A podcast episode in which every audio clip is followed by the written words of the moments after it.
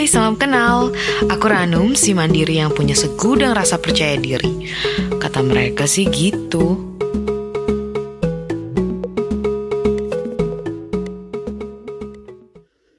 Pernah gak sih kalian dibandingin sama anak tetangga atau sama saudara sendiri?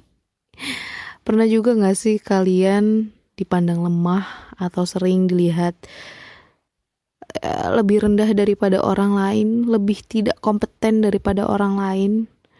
Dan pernah gak sih kalian disindirin terus tentang yang mungkin ini yang paling sering ya, paling klise banget nikah, punya anak, lulus, kayak gitu-gitu. Jadi sebenarnya hal kayaknya nih cerita setiap anak ya mayoritas anak Indonesia kayaknya mengalami ini. Itu anak zaman aku ya anak zaman now aku nggak tahu sih didikannya seperti apa orang tuanya kan pasti beda ya. Dan kalau untuk di era-era sekarang di era-era kita maksudnya di era-era kita dulu gitu ya di masa-masa aku kecil itu aku tuh sering banget udah kenyang banget dibanding bandingin sama sepupu aku sendiri. Karena aku uh, anak tunggal dulu tuh ngerasa nggak ada lagi yang bisa dibandingin selain sama sepupu aku gitu karena tetangga aku juga kita nggak pernah yang share prestasi gitu kan jadi sama sepupu aku sepupu aku tuh pinter anaknya rajin nilainya tuh 8, 9, bahkan ada 10 kayaknya sih kayaknya ya. Itu tuh selalu kamu tuh bahasa Inggrisnya kayak si A dong. Dia tuh nilainya tuh bagus 8, 9 gitu. Matematikanya 8, 9 gitu. Kamu tuh apa gitu. Kalau kata orang Jawa tuh ada pitulungan guys. Jadi pitulungan itu nilainya pas-pasan.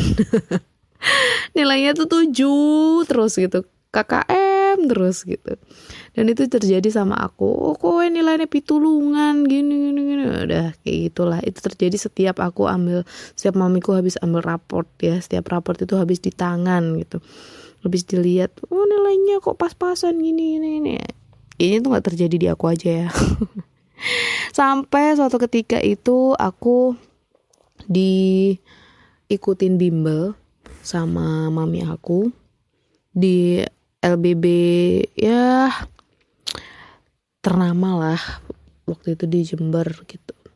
Di sana ada waktu itu aku dapat promo, eh bukan promo, pokoknya dapat fasilitas tes sidik jari gitu. Tes sidik jari itu akurasinya ya hampir mendekati sempurna ya guys. Maksudnya ya 90 persenan akurat lah gitu karena yang dites adalah sidik jari gitu. Jadi kalau psikotesnya bukan pakai yang pilihan ganda yang tergantung mood hari ini aku pilih aku suka di rumah gitu terus besok besok dua tahun tiga tahun kemudian aku pilih yang aduh aku suka main suka nongkrong nggak gitu ya jadi ini uh, benar-benar akurat dari tes sidik jari ini keluarlah hasil-hasil dari cara belajar bakat minat anak terus kemampuan yang menonjol dan lain-lain gitu. Di situ dijelasin sama tentor aku ketika hasilnya keluar dijelasin lah kita semuanya yang ikut tes sidik jari itu. Jelasin ada statement seperti ini. Adik-adik gitu ya tidak ada di dunia ini yang bisa pinter segala hal contoh Albert Einstein dia pinter IPA, sains dan lain-lain, pinter matematika apa dan lain-lain gitu. Tapi coba disuruh nyanyi, pernah nggak kalian dengar Albert Einstein bikin lagu gitu? Enggak. Beda ketika kita ngomongin tentang misalkan uh, waktu itu tuh lagi ngomong ini siapa ya Roma Irama kalau nggak salah. Pokoknya intinya orang yang pinter nyanyi gitu ya, nggak akan dilihat nilai rapornya. Orang yang pinter melukis nggak akan ditanya nilai matematikanya itu.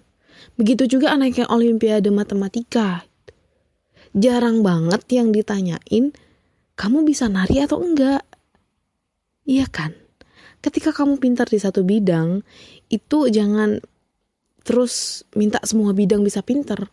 Kalau kamu minta semua bidang bisa pintar, Indonesianya yang bingung. Ini anaknya pintar-pintar semua gitu, mau dijadiin apa negara ini gitu. Kalau anaknya pintar semua, mau jadi presiden semua, kan gak mungkin. Kalau semuanya pinter semua jadi presiden siapa yang jadi menteri? Siapa yang jadi anggota DPR nggak ada ya kan? Kayak gitu. Jadi itu kayak dijelasin gitu aku langsung kayak meneteskan air mata secara tidak sengaja. Ini serius. Serius aku waktu itu kelas 1 SMP gitu. Pulang dari LBB itu habis dijelasin bah semangat banget tuh pulang. Membawa bendelan itu jadi kayak bendelan gitu bentuknya buku gitu. Terus ketika aku jelasin sama orang tua aku sama mami aku sama yang ti aku karena yang sering bandingin tuh beliau-beliau itu dua orang itu. Aku bilang dengan menangis ya kan dengan drama menggeru-geru gitu dengan ada tinggi intonasi dan penuh penekanan. Bilang kalau kalau anaknya pinter matematika itu belum tentu pinter nyanyi gitu. Kalau anaknya pinter nyanyi belum tentu pinter matematika gitu. Pokoknya aku mengcopy paste apa yang tentor aku bilang itu tadi. Terus dari sejak itu beliau-beliau itu semakin jarang menilai aku atau membandingkan aku dengan sepupu aku itu tadi. Hampir tidak pernah guys sampai hari ini. Sampai hari ini alhamdulillah nggak pernah beliau tuh bandingin aku lagi sejak itu dari situ mungkin mamiku sedikit mengenali aku sedikit belajar tentang aku gitu ya tentang bakat dan minat aku gitu. Akhirnya aku ikut organisasi ikut kegiatan di luar sekolah. Waktu itu aku berkecimpung di bidang entertain broadcast juga gitu. Mami cuman bilang gini pesennya Mami selalu support, dukung apa pun yang kamu lakukan, apa pun yang kamu ikuti selama itu positif mami selalu support. Tapi syaratnya kamu gak boleh nyusahin. Gak boleh nyusahin dalam tanda kutip ya. Dalam arti kayak gak boleh sakit. Gak boleh uh, mengeluh. Gak boleh apalagi intinya pokoknya gak boleh cap nggak boleh ngeluh capek gitu. Pokoknya intinya ketika kamu udah mengeluh capek sakit-sakitan karena organisasi karena kegiatan yang banyak mending berhenti gitu. Mamiku bilang gitu mending berhenti nggak usah lagi gitu. Nah sejak itu aku semangat. Aku SMP ikut organisasi pulang sore berangkat pagi pulang malam. Masih pakai seragam sampai aku SMA alhamdulillahnya ketika kegiatan gak pernah sakit tapi setelah kegiatan tipes langsung kumat tapi mamiku ya meskipun ngomel gitu meskipun tuh kan mami tuh udah bilang jangan capek-capek ini itu ini itu ini itu. Tapi ya tetap aja masih diizinin ya kan ya. Mungkin kalau kemarin-kemarinnya karena aku telat makan. Biasanya kan uh, lupa ya malah lupa makan tuh lupa biasanya kalau aku dulu. Jadi terselesaikanlah masalah dibanding-bandingin gitu. Sampai satu ketika aku SMA udah SMA aku berkunjung ini berkunjung ke rumah saudara. Masih eyang lah ya. Adik eh kakaknya. Adiknya eyang aku. Jadi masih eyang aku manggilnya masih eyang. Itu kan orang orang tua tuh kan selalu tanya ya gimana Ranum sekolahnya? Ini gimana? Gimana? gitu. Yang keluar dari mulut mami aku tuh selalu selalu kata-katanya tuh yang jelek-jelek gitu tentang Ranum lu Ranum tuh anaknya begini begini begini. Itu negatif semua yang keluar. Itu nggak sekali itu guys. Itu udah berkali-kali sampai aku ngerasa sakit hati terus terus sekali dua kali masih diem tiga kali masih diem. Nah di saat itu aku udah nggak bisa berkata-kata dong. Udah kayak ngerasa sakit hatinya tuh udah pol-polan gitu. Sampai rumah aku nangis ya kan. Besok paginya nggak kuat aku ngomong. Ngomong sama mami aku gitu wah aku udah nyiapin mental gitu ya. Segede lapangan bola mentalnya udah kayak udah gede banget nih aku harus ngomong gitu. Tapi ya sama aja ketika depan mami aku ngomongnya nangis lagi. Tapi tetap ngomong tetap ngomong bilang kalau memang Ranum tuh nggak pernah ada bagusnya ya di mata mami gitu. Memang Ranum tuh nggak pernah ada positifnya ya di mata mami. Kok selalu aku tuh yang dipandang mami tuh yang dibilangin ke orang tuh aku selalu negatif, negatif, negatif gitu. Kenapa aku bisa ngomong seperti itu? Soalnya aku di luar tuh di luar rumah maksudnya di sekolah gitu. Aku selalu dipandangnya tuh anak yang aktif, anak yang kreatif, anak yang oh pokoknya positif lah gitu. Kalau begitu di rumah kayak aku nggak pernah ada bagus-bagusnya gitu. Jelek terus gitu aku selalu bilang gitu ya ketawa sama mami aku ketawa. Terus mami aku ketawa uh, terus dijadiin candaan ya kan? Suasana jadi jadi mencair. Nggak ada jawaban sebenarnya nggak ada jawaban begitu apa yang ada jawaban pasti gitu loh. Nggak ada yang kayak oh ya mami minta maaf ya mami nggak akan ulang nggak ada kayak gitu nggak ada nggak ada tapi aku bersyukurnya di kesempatan-kesempatan yang lain kata-kata itu tidak lagi terucap. Maksudnya ranum yang negatif-negatif itu tidak lagi ada gitu di perbincangan-perbincangan beliau-beliau itu gitu. Nah setelah itu aku sudah udah lolos nih ya udah lolos dari dari dipandang lemah dan rendahnya itu udah lolos udah enggak. Tibalah di saat ya sindir menyindir ya. Jadi di usia aku ini adalah usia-usia yang mungkin sewajarnya menikah mungkin sudah sudah waktunya untuk uh, ya intinya punya pasangan gitulah ya yang serius gitu. Tapi Ranum belum gitu. Itu disindir tuh nggak sekali dua kali sama seperti yang tadi sama seperti yang Ranum dibilang negatif itu nggak sekali gitu. Sekali diem dua kali diem tiga kali diem sampai akhirnya Ranum bisa speak up gitu. Speak up tapi kali ini nggak pakai nangis.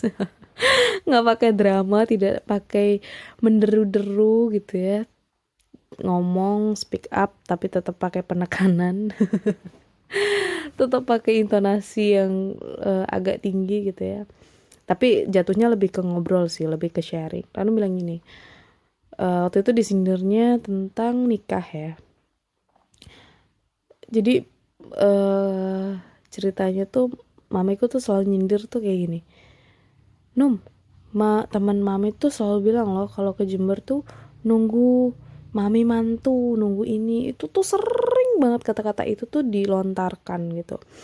Kayak terus dibandingin lagi dengan wah anaknya ini udah begini. Wah anaknya udah udah satu ya udah dua udah begini. Bahkan seumuran kamu deh kayak gitulah ya.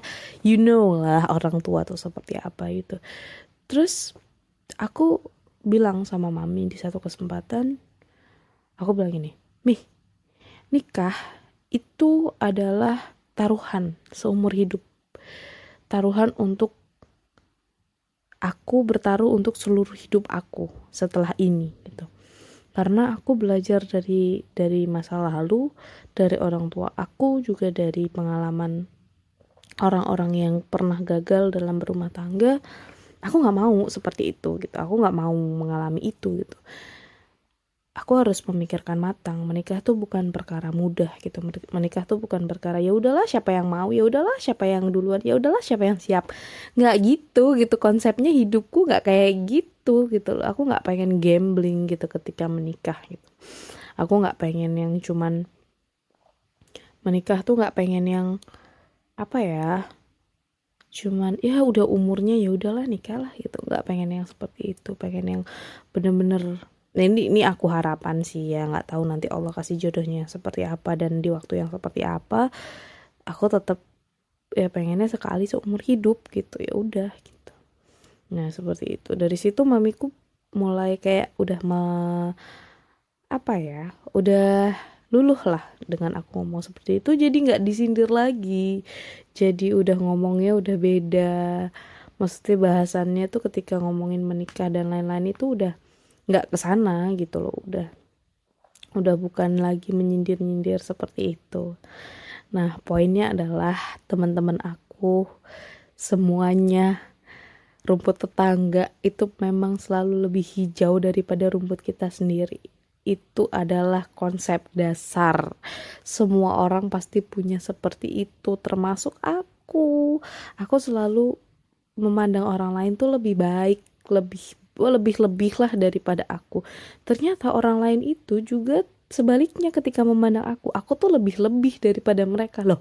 Aku mandang kamu lebih, kok kamu bisa mandang aku lebih sih? Padahal aku memandang diri aku sendiri penuh dengan kekurangan gitu, selalu kurang-kurang gitu. Ternyata enggak, oh ternyata aku ada nilai plusnya gitu. Oh ternyata di posisi aku ini masih ada lebihnya ya gitu dibandingin mereka yang lebih menurut aku gitu. Jadi buat aku kayak ketika kalian masih ada atau pernah ada kalau kalian udah move dari itu kalian udah bisa berkomunikasi dengan baik aku apresiasi sih buat kalian.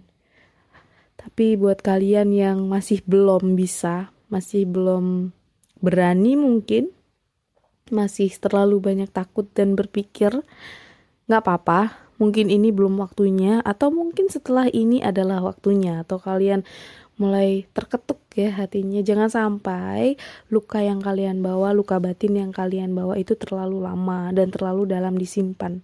Jatuhnya nanti akan dendam. Dendam entah dengan orang tua entah dengan nanti jatuhnya balas dendam ke anak kita atau ya jangan sampailah seperti itu gitu.